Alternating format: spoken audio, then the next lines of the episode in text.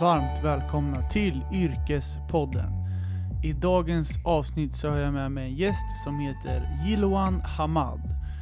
Han har ett drömyrke som många drömmer om och jag pratar såklart om fotbollsproffs. Det är inte alltid lätt att bli fotbollsproffs, men Jiloan han har lyckats. Och nu tänkte jag gå in djupare på just det yrket.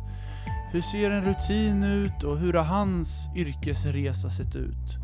Från BK Forward här i Örebro till att vara ute i Bundesliga och sen tillbaks till Allsvenskan i Hammarby.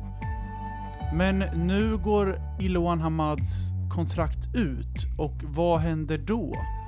Ja, det ska jag nog ta reda på lite mer, så häng kvar. Nu kör vi!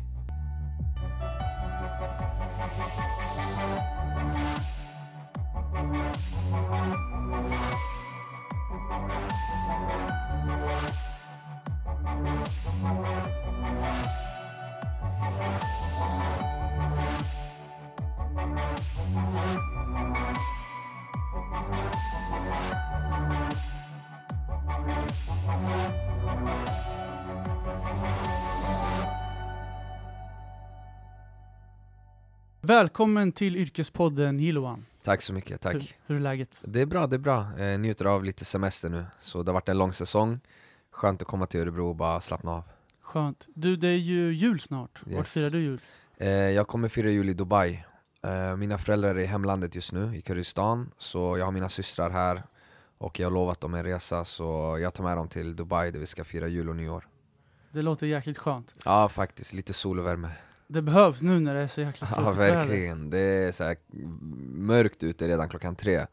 Ja, det är så, ja, även om jag gillar alltså, fyra årstiderna, liksom, att man får uppleva det. Eh, jag tror att man hade klagat om det hade varit varmt året om. Eh, så det är ganska nice också, men ja, jag behöver sol.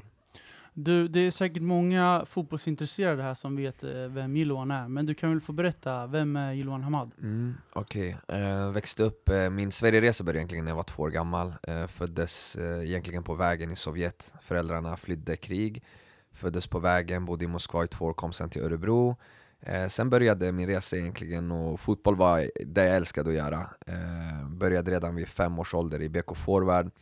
Sen gick åren liksom parallellt med skolan så skrev jag på ett kontrakt för Malmö FF eh, 2007 egentligen. Eh, flyttade till Malmö, hade familjen kvar i Örebro och sen har det varit, liksom, det har varit fotboll hela tiden. Det har varit min melodi. Eh, efter sex år i Malmö så flyttade jag till Tyskland. Eh, hamnade i Belgien också ungefär ett halvår, tillbaka till Tyskland. Och sen nu de senaste två åren har jag spelat i Hammarby. Eh, så det är lite om mig. Jag är fyllt, precis fyllt 28 också. Så ja, det är lite information. Grymt. Du, eh, vi ska faktiskt gå igenom din yrkesresa och det här Mm. blir ju då din lite fotbollskarriär. Mm. Eh, och vi ska börja med, du kan berätta vart du är uppväxt i Örebro och vart du gick gymnasiet. Yes, jag växte upp i Markbacken eh, och eh, gymnasiet så jag var faktiskt förstaårselev på John Bauer. Det var Eh, Jonas Tern, Christer Tonning och Thomas Bengtsson som är från Kumla som startade den här eh, fotbollsinriktningen på John Bauer som en privatskola. Eh, så det var en eh, liten chansning. De andra, Rubek, Virginska, det var liksom det här säkra valet men eh, de samlade en, en bra grupp eh, ungdomar, speciellt fotbollsspelare vi var ju väldigt framgångsrika i distriktslaget som, som vi vann, vi blev svenska mästare och jag kan säga att kanske 90% av det här laget gick på John Bauer. Eh, så jag kände att man kommer få dels bra skola men också bra träningar vid sidan. Eh, så jag valde John Bauer. Och det var både fotbollslinje och typ sam, eller vad då? Precis, jag gick sam eh, med fotbollsprofilsinriktning. Och när du eh, gick i gymnasiet, då spelade du för Örebroklubben BK Forward. Exakt, första året och sen eh, blev jag signad av Malmö FF efter en bra säsong. Jag var ung, jag tror jag var 16-17.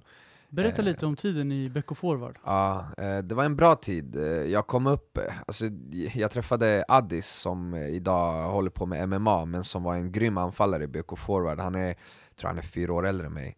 Och vi snackade just om det här att jag växte upp i en tid där det var lättare för talanger, för unga spelare att få chansen.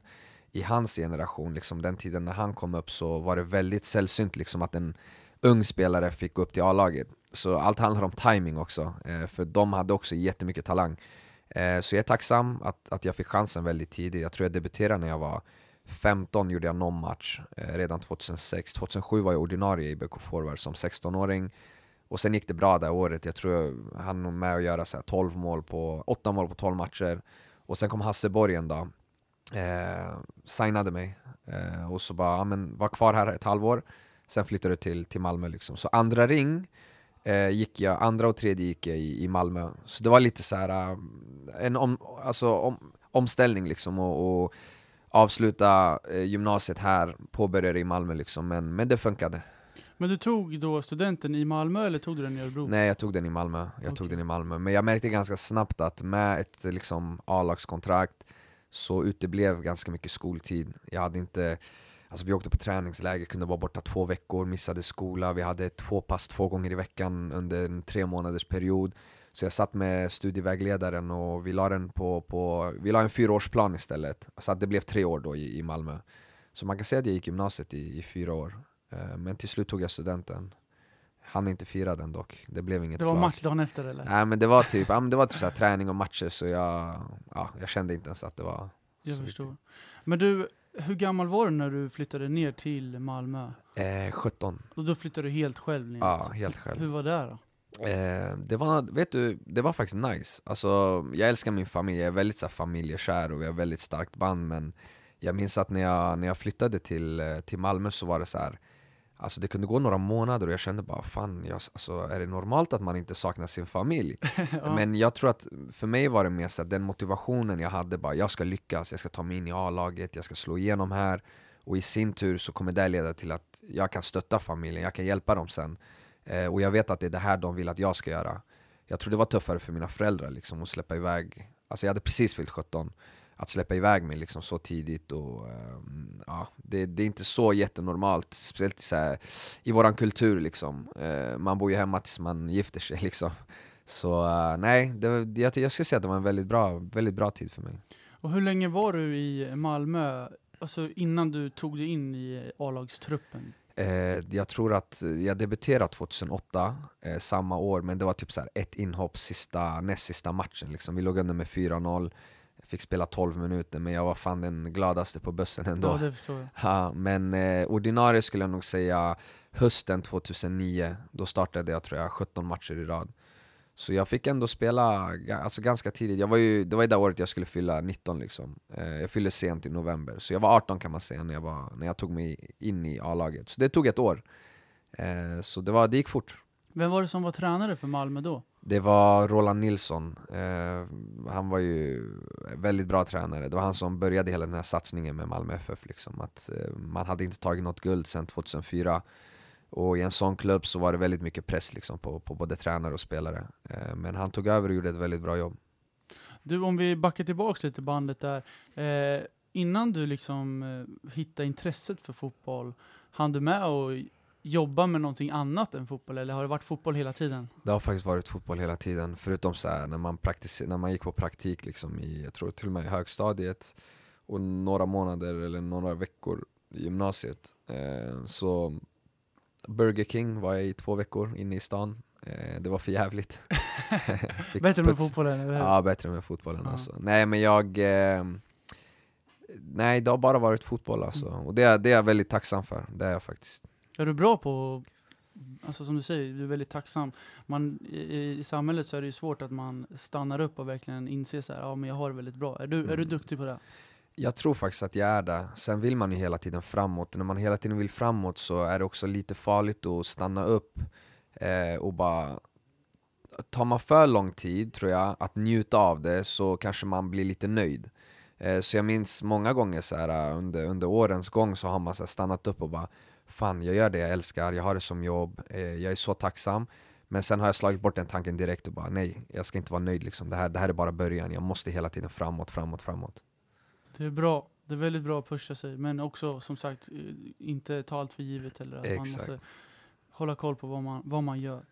Men du, eh, eh, när du var i Malmö, eh, hur många år var du i Malmö? Och rätta mig om jag har fel nu, det var två SM-guld och en Supercupen-mästare. Mm, Är det sant? precis, precis. Mm. Berätta lite om Malmö-tiden. Ja, det blev sammanlagt sex år, så jag bodde egentligen mina alltså, bästa ungdomsår liksom, i Malmö. Så jag har väldigt mycket kärlek liksom, för klubben och för staden. De formade mig till den jag är liksom, idag.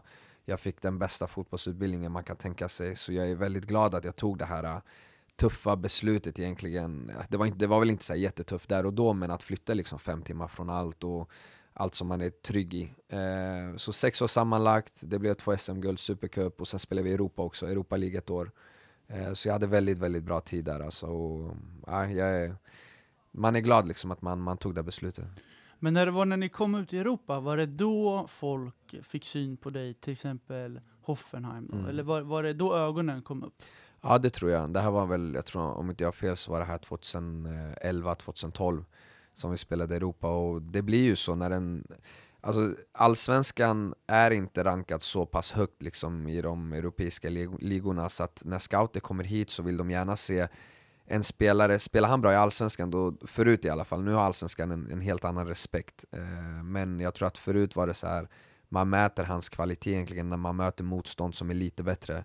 Och helt plötsligt så möter man liksom så här Glasgow Rangers och väldigt, eh, Dinamo Zagreb och sådana lag. Och när man är ordinarie som ung spelare och kan göra det bra, då, då växer intresset liksom. Och eh, det kan man se idag även med Östersund till exempel. Du har Saman Ghoddos, Ken Sema som blev sålda, Sotte blev såld och det är egentligen för deras prestationer, mycket tack vare deras prestationer i Europa League. Men eh, jag är väldigt intresserad av att få reda på hur processen gick till när du skulle flytta från Malmö till Hoffenheim. Mm. Och då mm. snackar vi kontrakt, vi snackar agent, mm. vi snackar, hur gick allt till? Ja faktiskt, jag tror nog jag är en av få Eh, jag har svårt, alltså det, jag har aldrig träffat någon spelare som har haft en och samma agent hela tiden, men jag träffade min agent första gången i Östersund på en eh, pojklandskamp när jag var 15 år. Så jag har haft en och samma agent i 13 år nu. Och, och det, det, är de här på Brightbird Management? Exakt, Ferhat Cifci, Nenad Lukic och Haris Skenderovic, eh, de tre jobbar ihop. Eh, och eh, ja, men jag, jag, jag har varit lojal, de har gjort mycket för mig, jag har gjort mycket för dem och jag, jag trivs väldigt bra där liksom. Och, Ja, så egentligen går det till så att du gör en bra säsong eh, och klubbar är inte så att ja, de tar en spelare för att han har gjort en eller två eller tre bra matcher. De följer en spelare i ett år, ett halvår, ibland ett och ett halvt år. För de vill se liksom vad han går för under en hel säsong. Eh, så det är väldigt mycket så parametrar som, som spelar in. Till slut så tar klubben kontakt med Malmö FF som är din arbetsgivare. Är han till salu? Hur mycket kostar han? Och så vidare. Eh, sen kopplas agenten in eh, och det är han som gör det lätt för mig liksom, så att jag inte behöver sitta och förhandla. Eh, alla de här bitarna sköter agenten. Det enda jag behöver liksom komma med är att vill jag ens gå dit? Eh, vad kan jag tänka mig för lön? Liksom? Vad är jag nöjd med? Och sen sätts arbetet igång. Sen sköter liksom klubban och agenten allting. Men eh, jag tänkte så här, det är lite så som du säger, att du ska fokusera på fotbollen och agenterna ska, ska, ska fixa kontrakten. Men har du någon mer kring dig, alltså typ en manager eller någonting sånt, eller har du, är det bara agenten? Det är agenten, sen har jag förutom pappa som har varit jätte, liksom, mycket med i bilden. Eh, och han, eh, det känns som att alla beslut jag har tagit, till och med fel beslut, så har det alltid varit en röst i bakgrunden liksom. Och Eh, jag har fan lärt mig med åren, alltså föräldrarna brukar nästan alltid ha rätt, alltså hur man än vrider och vänder. Sen tror jag ändå att de här misstagen behövs göras för att lära sig. Eh, och man behöver liksom de här motgångarna, de här misstagen och felbeslut för att växa som människa. Eh, sen har jag haft en mentor i, i Malmö som heter Ernst Knutsen. Och han är väldigt framgångsrik inom affärslivet. Och jag träffade honom när jag var 23, 22-23. Eh, två år in, ja, mina två sista år i Malmö. Och han lärde mig mycket, allt runt omkring som kanske inte man får ifrån familj eller agenterna. Allt från hur jag ska vara en bra ledare, då var jag ju lagkapten i Malmö. Så han fick mig att gå på personlig ledarskapsutbildningar eh, som jag är tacksam för, tog två av dem.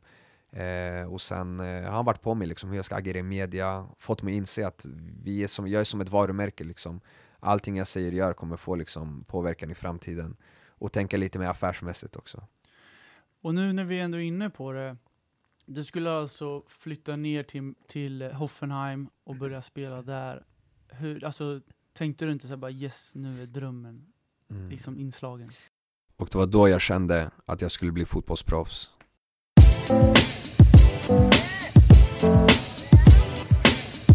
I am happy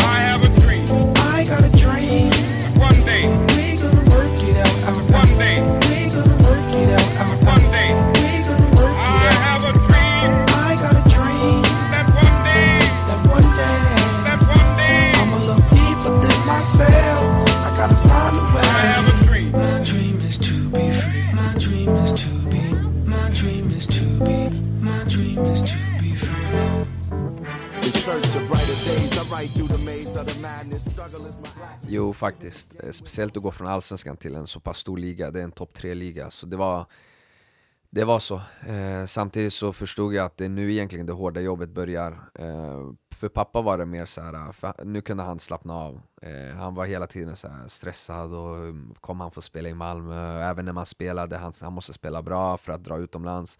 Men för mig var det mer då min resa började. Eh, när man kommer till en sån klubb och sån liga så du har inga dåliga spelare. Liksom. Hela truppen, det är så 25 grymma, grymma spelare. Så konkurrensen är hög, det gäller att verkligen komma dit, visa respekt men också ta för sig. Du kommer till ett land där tränarna bara pratar tyska, de är väldigt stolta i det. Liksom. Så att, eh, det var mycket att, språkkurser, komma in i det så fort som möjligt eh, och sen ja, ta tag i fotbollen. Liksom. Och jag var ändå inte nöjd där. Liksom. Eh, så mm, ja, det, det var bara att kämpa. Märkte du att det var stor nivå på allsvenskan jämfört med Bundesliga? Heter väl? Ja, exakt. Ja, det var, det var faktiskt väldigt stor nivå. Även om allsvenskan, nu när jag kommit tillbaka så har, det blivit en väldigt stor utveckling. Jag tycker att allsvenskan är lite underskattad till och med. Det är en tuff liga att spela. Men eh, det går ändå inte att jämföra med, med Bundesliga såklart. Det, allt från motståndarlagen till allting runt omkring. Hur lagen är förberedda, hur de förbereder sig. Alltså vi, hade, vi åker på en resa och vi har 22 spelare och typ så 18 anställda med oss. Liksom. Det, det, det, är en helt annan budget, det, det, är en helt annan värld. Liksom. Eh, så ja, definitivt. Hur länge blev det i eh, Hoffenheim och hur gick tiden enligt dig? Eh, det blev tre år i Hoffenheim. Sen, alltså, det var både, både plus och minus. Jag skulle ljuga om jag sa att jag är jätte, jättenöjd. Eh, jag lärde mig väldigt mycket, fick spela liksom Bundesliga-fotboll, men det var absolut inte så som jag hade föreställt mig. Jag kom till en klubb som som ändrade identitet under de tre åren som jag var där. Man, man gick från att vara ett liksom mitten-bottenlag till att bli ett topplag och spela Champions League. Och i den här satsningen någonstans så betydde det att man värvade bra spelare för mycket pengar. Eh, och fotboll är lite politik också. Liksom. Värva tränaren en, en spelare för 80-90 miljoner kronor, då ska han spela liksom, oavsett hur det går. Och jag som kom dit från allsvenskan, liksom, jag blir inte lika viktig. Så då får man kämpa, eh, lyckades ändå liksom komma upp igen, få spela och sen byter man tränare, kanske inte man får spela lika mycket. Så jag skulle säga att det var inte som jag hade velat, men jag är ändå glad och tacksam liksom att jag tog det beslutet. Vad heter det, om vi kollar på allsvenskan jämfört med Bundesliga-lönerna. Mm. Vad, vad snackar vi stor skillnad då? Ja, alltså vi snackar jättestor skillnad. Är det så? Eh, ja. Alltså jag tror att en snittlön i Allsvenskan ligger på typ 65 000, 60-65 000 Sen har du ju toppspelare i Allsvenskan som kanske tjänar runt 200 000 liksom. Och ska du skatta på det, här, du får kanske 100 i fickan I Bundesliga så skulle jag nog säga att den som tjänar minst får i alla fall en 300-350 000 netto eh, Så det är ganska stor skillnad bara där eh, så det, det, är svårt för en allsvensk spelare och man lever för dagen liksom och man har det väldigt, väldigt bra som man ska vara tacksam över men att kunna säkra sin ekonomi om man liksom efter sin karriär, säger att jag skulle spela Allsvenskan i 12 år, så har jag väldigt svårt att se att man lyckas spara så pass mycket pengar att man inte behöver jobba mer. Eh, och jag tror att det, det, är målet för ganska många. Eh, men samtidigt så får man ändå 12 år där man har haft fotbollen som, som ett jobb. Eh, så det beror på hur man ser på det, men det, det är väldigt, väldigt stor skillnad. Men om vi går lite mot slutet där av Hoffenheim-karriären. Uh, när du kände liksom att, uh, var det kontraktet som gick ut då, eller kände du att nej nu, uh, nu behöver jag röra på mig? Hur gick allt till? Lite både och. Jag fick en skada när jag hade två år kvar på mitt kontrakt som det tog ungefär åtta månader att, att hämta mig, eller hem, kom, bli frisk liksom och få spela igen. Och då hade jag faktiskt en tränare som hette Hub Stevens och han gillade mig, så direkt när jag var frisk från skadan så startade jag liksom fem matcher i rad. Han avgick sen på grund av hälsoskäl, han hade problem med hjärtat, han var lite äldre. Eh, så kom en ny tränare och med honom så mm, fick jag hoppa in lite i början, men han hade andra planer liksom. Han hämtade spelare som han trodde på mer och, och så vidare. Sen gick det ett halv, ytterligare ett halvår och då står jag där liksom har varit i Tyskland i tre år och kanske spelat 12 matcher, 12-15 matcher bara och det är väldigt lite på, på tre år. Det hade, jag hade hunnit kanske spela 90 matcher i, i, i Sverige. Så då kände jag bara, vet du, pengar hit dit, det är inte ens värt det liksom. jag, jag vill spela fotboll, jag vill må bra igen. Speciellt efter en skada där man behöver speltid efteråt och jag är fortfarande relativt ung liksom. Eh, då bestämde jag mig, även fast jag hade tid kvar på kontraktet, att eh, bryta det tillsammans med klubben som förstod det och så tog jag, tog jag ett steg tillbaka liksom och kom tillbaka till, till Sverige. Hej hörni, Jens här från Yrkespodden. Jag tänkte bara berätta för er att just nu så har Grand Frank en stor mellandagsrea där ni kan kika in på hemsidan och hitta allt från skjortor, klockor, accessoarer med mera. Där du kan säkra din drömoutfit. Och du har även 15% rabatt med Yrkespodden som rabattkod i kassan. Tack så mycket Grand Frank.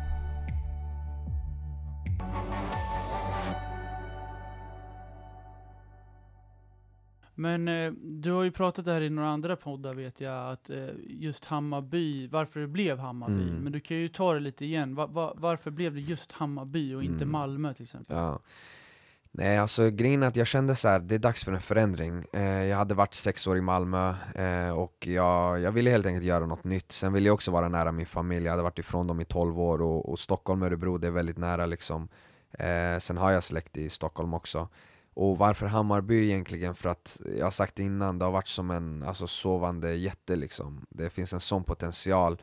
Eh, Man har liksom bäst publiksnitt i hela Skandinavien, supportrarna är helt magiska, du får alltid stämning på matcherna. Eh, Det är en stor klubb, eh, väldigt många medlemmar liksom. Och eh, en klubb som inte har presterat egentligen på den nivån som jag tycker att man bör göra. Eh, Så det var ett nytt projekt. Eh, Och när jag satt där så pitchade de liksom att nu börjar våran satsning, vi vill att du ska vara liksom en del utav det. Och jag var egentligen den så här första värvningen, alltså eh, så här tung värvning liksom. Eh, om man får säga det själv. Så då kände jag, ja men vet du, jag tror att jag kommer utvecklas både som spelare och som människa. Eh, och jag har med liksom de här äh, egenskaperna av att liksom kunna leda så kände jag att det här är nog det bästa för mig. Äh, då valde jag Hammarby och äh, det är jag tacksam för. Du, om vi går in lite på eh, ditt jobb då, som fotbollsspelare, eller jag kallar det ju fotbollsproffs såklart om man kan tjäna pengar på det. Mm. Eh, hur ser en eh, jobbvecka ut i Hammarby? Eh, väldigt lugn alltså. Eh, för oss handlar det egentligen om att maxa vår prestation på, på söndagar. Det är oftast då vi spelar matcher. Så veckan är egentligen en, en stor förberedelse bara eh, tills att kunna vara så pass pigg och fräsch i kroppen som möjligt till på söndag. Så jag skulle vilja säga att i början av veckan, måndag, tisdag, kanske två pass. Då går man på morgonen, käkar frukost vid 8.30, tränar vid 10.30 till 12. Eh, äter lunch och så börjar andra passet vid 3. Så vissa dagar är vi borta liksom från 8 till 5. Eh, och det är som liksom vilket annat jobb som helst. Sen vissa dagar så är det från 8 till 1. Och då har vi hela eftermiddagen, kvällen liksom ledigt. Så det är ganska, det är ganska soft om, om jag får säga det. Men det som spelar in det är mer den här mentala mm, pressen. Dels har du en press på dig själv, du har press utifrån. Allt från media till supportrar. Så det är ganska liksom mycket man får leva med. Eh, och man är aldrig bättre än sin senaste prestation.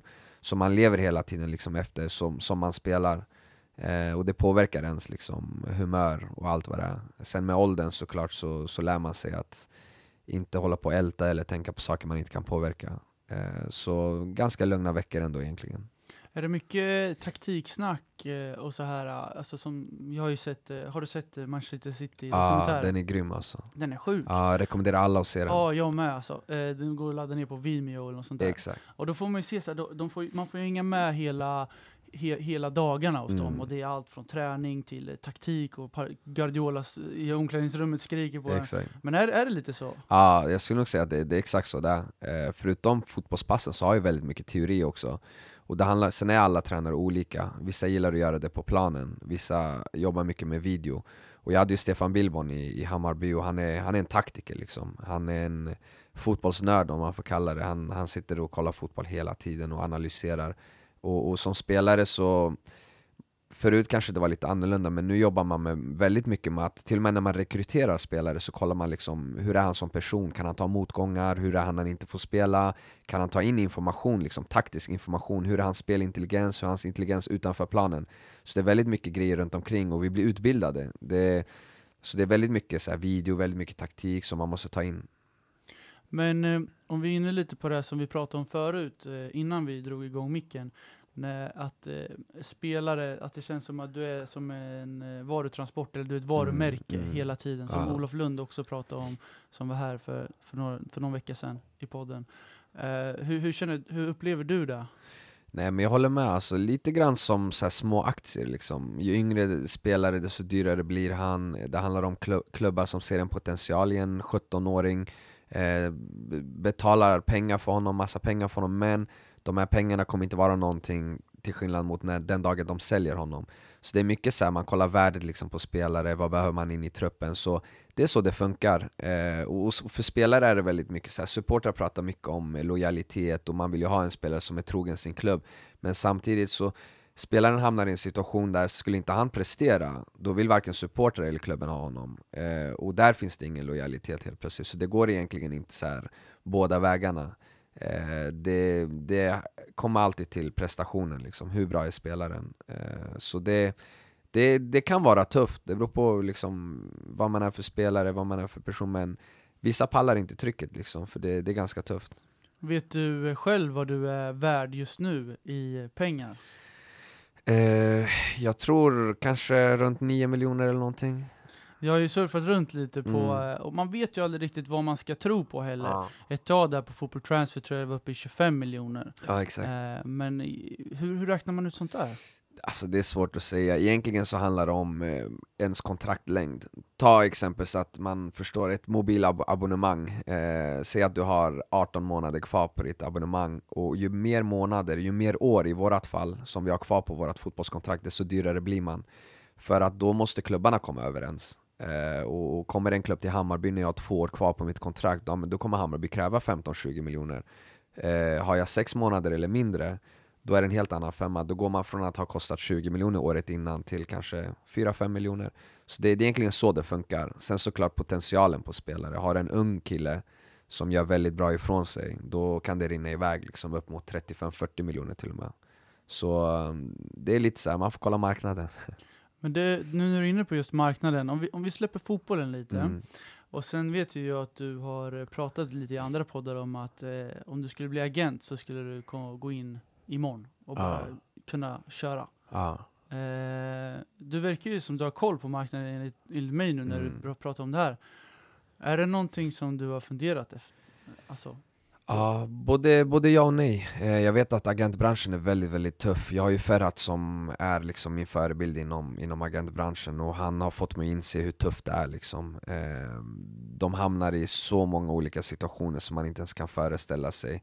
Eh, agenter tar spelare från varandra, eh, spelare som man har kontrakt med gör någonting bakom ryggen och så hamnar Så det, det är så mycket grejer liksom. Eh, smutsiga affärer, klubbar som jobbar med någon agent som bara gör den dealen. Så det är väldigt liksom så här, men jag hade nog lätt kunnat jobba med att eh, ta hand om unga spelare eftersom de ska förhoppningsvis göra den resa som jag redan har gjort och gått igenom och jag tror att jag har väldigt mycket att, och lära dem. Eh, saker som jag inte fick reda på utav någon äldre liksom, som har gjort den resan som jag tror hade, hade kunnat hjälpa mig.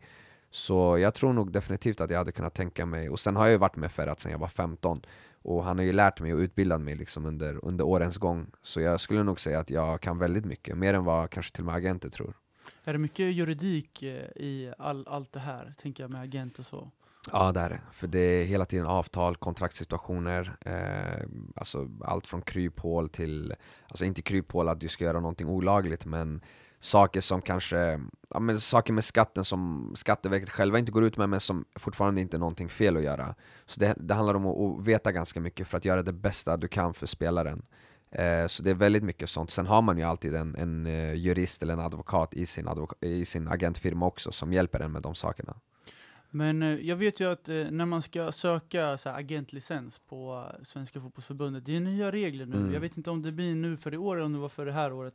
Att man måste göra prov ja. och man måste betala in eh, per år och det, det är lite så här, man måste fylla i formulär och Exakt. så. Har du koll på sånt? Ja, eh, det har jag. Eh, för massa år sedan, eller massa, för ett par år sedan så var det där, det var nödvändigt att vill man bli agent måste man gå en utbildning och klara den.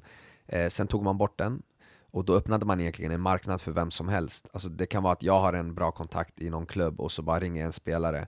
Och det gjorde att det blev lite så här äh, lite skumma affärer, kanske lite sämre folk som gav sig in i agentbranschen för att man insåg hur mycket pengar det fanns i den.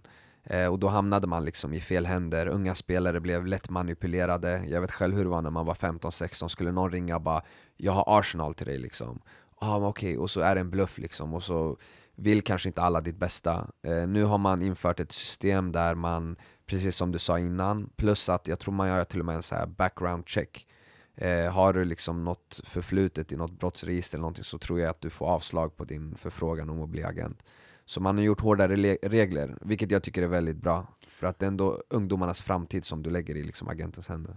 Alltså jag tycker det är superbra att det är så, i alla fall i Sverige. Jag vet dock inte hur det ser ut i andra länder. Mm. Det känns som att det är typiskt Sverige att göra det här, men typiskt i Grekland ja. eller i eh, ja, Portugal eller något, så mm. är det mm. inte samma, samma nivå. Nej, det tror jag inte heller. Det tror jag inte heller. Vi är, vi är bra med sånt i Sverige. Men eh, det här är ju alltid en mardrömsfråga eh, för alla fotbollsspelare. Mm. Och det är ju det här med livet efter karriären. Ja. Man måste ju ändå tänka på det ändå lite hela tiden, som mm. du säger, att man måste kunna spara ihop pengar. Vad, vad, vad går igenom ditt huvud? Eh, sen jag flyttade hem eh, för ungefär ett och ett halvt år sedan, då har jag börjat liksom, även om jag förhoppningsvis har en 5-6 år kvar, kanske mer till och med, eh, så vill jag ändå redan nu skapa något så att min eh, så att jag redan innan, jag, att jag kan bestämma när jag lägger av. Fotbollen ska inte bestämma liksom. Jag ska inte spela två extra år bara för att jag känner att jag måste och jag har ingenting annat Utan jag kan lägga av när jag är 33 till och med om jag vill. Även fast jag har liksom några år till att ge. Eh, Så det är egentligen att jag vill lägga det i mina egna händer. Jag vill skapa någonting utanför fotbollen redan nu. Och jag har börjat lite med, med lite små grejer men jag är en sån som alltid har så mycket idéer i huvudet. Jag, Alltså det är så mycket grejer jag vill göra.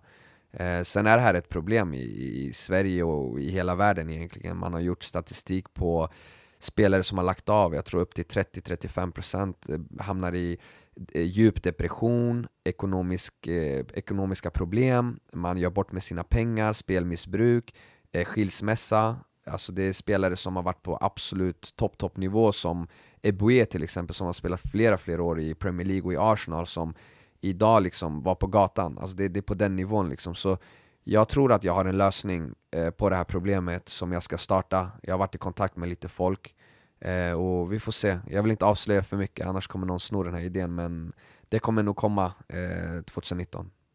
Vi kommer nog försöka komma in lite på det alldeles strax. Men du, när du säger det, det känns som ändå som att fotbollens snittåldern går upp väldigt mycket. Mm. Alltså du kan spela till, du kan bara kolla på Zlatan. Ja. Alltså det känns som snittåldern går upp hela tiden på grund av mm. att det finns så bra teknik och ni får eh, isbad och ni får medicin och ni får läkarundersökningar Exakt. och Ronaldo, vad är han, 30, 32 kanske, han ja. har fysik som en 25-åring. Exakt. Ja, ja alltså allt, allt sånt spelar in. Allt från bra, eh, bra skonsamma fotbollsplaner till alltså, den bästa hjälpen du kan tänka dig. Liksom, direkt efter match så har du folk som är där, masserar, tar hand om kroppen. Man har också kommit väldigt långt fram i, i forskning när det kommer till rehab, eh, återhämtning. Eh, man tränar inte alls lika hårt heller som man gjorde förut. Allt från styrketräningen till eh, träningar under veckan. Man har lärt sig liksom att kroppen behöver inte träna mer än de här x antal minuterna. Eh, och förut så tränar man kanske lite för mycket, man överbelastar kroppen. Eh, så det, ja, sen allt från fotbollsskor liksom och, sådana saker spelar in också. Men eh, om vi går tillbaks lite där som du pratade om att eh, det är time to do business mm. after fotbollskarriären. Men eh, du har ju ett klockföretag yes, vad jag vet om. Yes. Berätta lite mer, vad är det? Eh, det är, den har jag tillsammans med två vänner eh, som vi startade för ett år sedan ungefär. Eh, och jag hoppade på idén, jag fick en förfrågan och jag tyckte fan det är ändå coolt liksom. Det är en rolig grej vid sidan. Eh, en liten investering men jag tror att jag kommer lära mig jättemycket. Eh, och vi har ett klockmärke som heter Harvey. Eh, och eh, ja, det är, en, det är en bra klocka som jag står för, väldigt fin och vi designar allting själva. Eh, vi har fabrik i både Kina och Italien. Eh, så det, det, är en rolig grej liksom som, som jag har och som har gått väldigt bra också.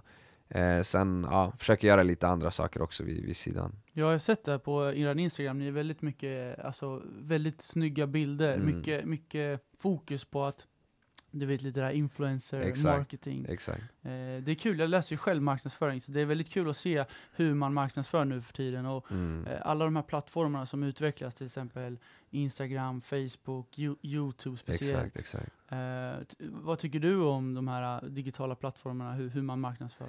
Eh, jag tror att det, det, är helt nytt liksom. Innan var det mycket TV, det var mycket så här kanske synas på fotbollsarenor och, och sådana saker, eller planscher, affischer. Nu jobbar man mycket med, med ungdomar egentligen, med influencers, med, med lite, ja, med folk som har mycket följare liksom. För man har insett att det är den vägen man måste gå. Eh, sen är det både på gott och ont liksom. Eh, jag tror att många ungdomar ser upp till kanske fel typ av eh, influencers, man ser mycket pengar, man ser ett bra liv och så tror man liksom att ja, men det, det här är den rätta vägen men sanningen är att de kanske själva inte är lyckliga inombords liksom. Så man luras ganska lätt liksom. Så jag skulle nog säga att mm, det är både bra och, och dåligt. Sen ur mitt perspektiv liksom, jag jag ser inget annat alternativ liksom. det, det är det som säljer, det är det som är bra ur liksom, affärsmässiga eh, Så då, då, då kör man liksom såklart på det spåret jag antar att själv du har blivit ändå fått lite förfrågningar om att typ alltså influencer, göra lite mm, saker, eller hur? Mm. Du har ju ändå rätt mycket följare. Ja, eh, ja, man får lite förfrågningar och sånt där, men jag har inte tyckt att eh, det har varit värt det. Sen har jag, jag tror jag har typ 33-34 000 följare, kanske allt sammanlagt har jag kanske en 45 med Facebook och sånt. Så jag är inte där uppe och har flera hundratusen, så det har inte varit liksom Äh, jag, jag har inte velat göra de grejerna, så jag vill inte att, det ska, att jag ska vara någon så här reklamsida just nu. Nej, för att eh, jag kan ju tänka sig att det blir ändå så, till exempel efter karriären, mm. att om du har mycket följarbas och du har mycket följare, att företag kommer vilja ha dig som en, eh, som en target, mm. som ett mål för att bara marknadsföra allt. Eh, och man kan ju gå in på vissa spelare, men det behöver vi inte göra, men mm. många gör ju mycket reklam ja, bara exakt. efter karriären. Eh, tror du att du kommer säga nej till sånt? Ja, det tror jag definitivt. Eh, jag tror att det skadar ens eh, varumärke, ens rykte mer än vad det, vad det hjälper. Sen såklart, det är som allt annat. Alltså gör det där, alltså, gör det där någon gång eller till någon bara, då, då får du en större kraft i det också. Eh, om man sparar det liksom till, till ett företag som man tror på, någonting fint liksom. Så istället för att göra så med 15-20 olika. Eh, jag, vill, jag tror inte det ser bra ut, jag vill inte vara en sån. Du, om vi går in på den här frågan som säkert alla undrar nu, som vi pratade lite innan om, eh, ditt kontrakt yes. med eh, Hammarby. Det här är lite också vad framtidsplanerna blir mm. och så, men eh, du pratade om, hur ser kontraktet ut nu egentligen? Eh, när jag kom till Hammarby så skrev jag på ett två plus ett års kontrakt och det betyder egentligen att eh, om det sista året, tredje året ska gälla, då ska man vara, det ska vara ömsesidigt, liksom, båda ska vara överens. Eh, så man har en option liksom. Eh, och efter två år så kände jag att, med tanke på min ålder, jag har fyllt 28, nästa år fyller jag 29 och jag var liksom ärlig och, och transparent liksom från första början, vilket jag också fick ganska mycket skit för. Men jag valde den vägen liksom, jag har ändå varit med ett tag och, och, jag förstår från liksom supportrarnas synvinkel när man har en spelare som har varit lagkapten och som har sagt liksom, att jag ska förmodligen inte vara kvar nästa säsong. Att det gör lite ont och att det inte ser så bra ut men samtidigt så vill jag hellre vara ärlig än att säga att jag kommer vara kvar och så sticker man liksom. Så just nu, mitt kontrakt gick ut med Hammarby sista november så jag är mellan två jobb nu, så som det fint heter. Nej, men jag, jag söker, jag får se. Jag har en väldigt bra dialog fortfarande med Hammarby. Vi, vi vet vart vi har varandra. Eh, jag ska träffa Stefan Billborn nu om några dagar, sitta och snacka bara om hur säsongen har varit och framtidsplaner. Men jag tror att de har koll liksom på, på vad jag vill och jag vet vad Hammarby vill. Liksom, så vi får se vad som händer. Det var ändå en jäkligt bra säsong av Hammarby. Men målsnöret precis mm. i slutet där. Ja. Ett poäng från Malmö va? Ja, samma poäng med målskillnad. Nej, alltså 60 ja, poäng. det ja. där måste kännas. Ja, alltså mitt mål liksom att när jag skrev på för Hammarby var det liksom att nu ska vi upp i toppen, vi ska bli ett topplag liksom. Och ut i Europa. Och ut i Europa. Eh, och sen när man, första året kom vi nia liksom, och det var också så här, det var ingen bra säsong men samtidigt med de ändringarna vi gjorde, jag tror vi 10-12 nya spelare in, 10-12 spelare ut, då är det nästan omöjligt att ens prata om att du ska vara ett topplag. Men inför den här säsongen så har det gått väldigt bra. Jag tror vi låg etta fram till 17 omgångar, vi låg topp 3 hela året fram till sista matchen. Och vi lyckades inte vinna över Östersund, den matchen blev 3-3 och det gjorde att Malmö eh, vann sin match och fick lika mycket poäng och vi hamnade fyra på målskillnad. Eh, så det var väldigt tufft alltså. Det är nog en av de tuffaste grejerna jag upplevt alltså, under min karriär. Så det var ett hårt slag. Men samtidigt när vi tittar tillbaka så, så, har vi, så är vi ändå topp fyra liksom. Och jag tror att det var inte många som hade räknat med det inför säsongen.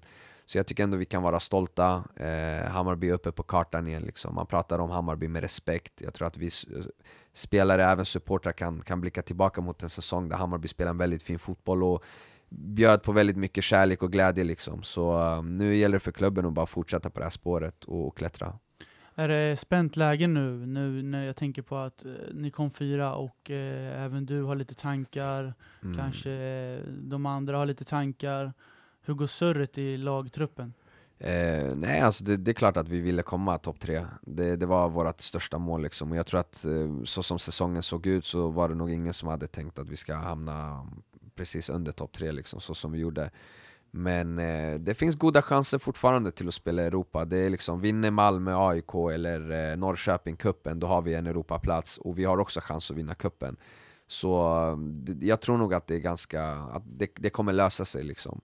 Eh, Men det är klart att det var, det var tufft, eh, speciellt första två, tre veckorna. Eh, Då var det så här, alla var helt eh, ledsna och nere. Men nu när man har fått lite perspektiv och tar ett steg tillbaka så tror jag ändå att alla är ganska nöjda. Om vi kollar på ditt perspektiv då. Hur, hur, hur vill du ha det 2019? Eh. Det är en bra fråga alltså. Det är en bra fråga. Det beror på hur man ser på det. Jag är, så här, jag är ganska, jag försöker vara realistisk liksom och, och um, tänka liksom på allt från, som jag har varit inne på, min ålder liksom. Jag fyller 29, jag kommer räknas som en 29-åring nästa år. Eh, eller från januari, även fast jag fyller i november. Och, och med den åldern så måste man vara smart nu i, i det här beslutet som man tar. Eh, antingen kommer liksom någonting i Europa, en, en sportslig utmaning som ändå ger bra ekonomiskt. Eller så söker man sig kanske utanför Europa eh, och då har du länder liksom Du har länder i Asien, du har länder liksom i Mellanöstern som betalar väldigt, väldigt stora pengar Och innan har jag alltid sagt nej liksom eh, Jag valde Hoffenheim när jag hade ryska klubbar som betalar kanske dubbelt så mycket Men jag ville liksom satsa på drömmen nu är jag i ett läge där jag måste vara öppen för det mesta liksom Så Alltså två, tre år i franska ligan, eh, tjäna okej, okay, eh, det hade inte gjort mig så lycklig tror jag eh, så att jag, jag försöker tänka mycket framtid. Hittar jag någonting självklart sportsligt som också ger, då, då går jag. Annars så kommer ingenting som jag känner mig så jättesugen på. Då, då har jag inga problem heller att att stanna kvar i Hammarby och skriva på ett, ett långt kontrakt liksom. Får du dela med dig av eh, vart intresset kommer ifrån nu i Europa? Ja, nu är det ganska tidigt in på transferfönstret liksom. Det är Det öppnar i januari va? Ja, det öppnar i januari, men klubbar börjar jobba redan nu Så det som finns egentligen som jag har, det är typ Alltså som är konkret, det det är mycket snack, alltså det är alltid så här. Alltså jag, jag säger alltid till min agent, säg bara när det är någonting konkret så man har någonting att ta på liksom. Och det är så här, turkiska klubbar, det är klubbar utomlands, det är klubbar i Mellanöstern. Jag har redan tackat nej till ett bud i Mellanöstern som har varit ett bra bud Men som jag känner, jag, jag, jag, det var inte tillräckligt liksom för att jag ska gå dit. Eh, Klubbar i Polen, Tjeckien, Bulgarien, toppklubbar liksom som spelar Europafotboll. Så det är sånt som kommer nu, men det är också klubbar som måste vara tidigt ute liksom. Eh, Så vi får se, jag, jag tar det lugnt nu, njuter av semestern och så får agenten sköta det. Skulle du kunna tänka dig att eh, flytta, det, det spelar ingen roll vart, vart du flyttar, men det finns en chans. Ja. ja, jag skulle nog säga att det är en ganska stor chans att jag flyttar utomlands, eh, det är det faktiskt eh, Men samtidigt så, jag tror för alla svenska spelare, bästa stället man, man kan vara på, där man egentligen vill vara, det är i Sverige liksom Alltså jag hade bästa livet att spela i Hammarby, jag, det, var, jag, det var länge sedan jag var så lycklig liksom Eh, Eh, så det känns också så här, um, ska man lämna ifrån sig någonting som man har byggt upp? Man har en viktig roll i laget som lagkapten. Ehm, det har varit en bra säsong, hur man än vrider och vänder och jag tror att nästa år kommer vara ett bra år för Hammarby. Så man väger in det också liksom i, i beslutet. Du, eh, vi ska nog knyta ihop den här säcken nu och jag gör ju så här att alla mina gäster som är med i min podd ska alltid få ge avslutande tips yes. Eh, och då ska du tänka så här att det här yrket som du är, fotbollsspelare, då ska du ge tre tips nu. Okej, Du, ska, du ska tänka på vad man ska tänka på som fotbollsspelare. okej Så om du skulle ge tips nummer ett, vad ska man tänka på? Jag skulle nog säga att följa sin magkänsla Ehm, Ibland när man tar beslut som på pappret verkar vara perfekt så kan det, betyder inte att det kommer vara perfekt Jag, jag tog beslutet liksom att, att gå till Hoffenheim för att det var strategiskt och, och liksom man tänker med huvudet så var det så här, det här är ett bra steg Men magkänslan kanske sa någonting annat och, och lita på din magkänsla för det, det, det är där, där du kommer få eh, leva med liksom Och i slutet av dagen kan du ändå säga det var här liksom magen och hjärtat ville Bra tips. Tips nummer två. Tips nummer två skulle nog vara att eh, skriva ner sina målsättningar. Eh, jag har alltid jobbat mycket med målsättningar, jag vet att många spelare inte gör det. Så eh, man har också gjort liksom statistik och forskning på att de som har målsättningar, det är oftast de som lyckas, vare sig det är fotboll eller i affärslivet. Eh, så skriv ner, och skriv ner målsättningen, ha inte dem bara i huvudet. Skriv ner punkt för punkt, kortsiktiga, långsiktiga och våga drömma liksom. Superbra tips. Och ett avslutande tips till en framtida fotbollsspelare, vad ska den tänka på? Eh, det är egentligen alltså att man ska försöka tänka lite bredare än, än, bara fotboll. Alltså varenda intervju man gör, varenda Allting som man gör utanför fotbollen kommer påverka dig i framtiden. Så var bara liksom försiktig med dels vilka man umgås med, eh, dels vad man, hur man uttalar sig och, och, bestämma sig ganska tidigt liksom, vilken typ av spelare vill jag vara, vilken typ av människa vill jag vara? För i slutet av dagen så vi är människor som alla andra och, och skapa någonting som du, du kan vara stolt över. Tre superbra tips av Jiloan Ahmad i Yrkespodden. Tack så mycket för att du var med. Tack, kul att vara med. Tack för att du lyssnar på Yrkespodden. Jag skulle bli superglad om du delade avsnittet eller betygsatte podden i podcastappen. Prenumerera gärna på Yrkespodden för att få notiser på alla avsnitt. Tack!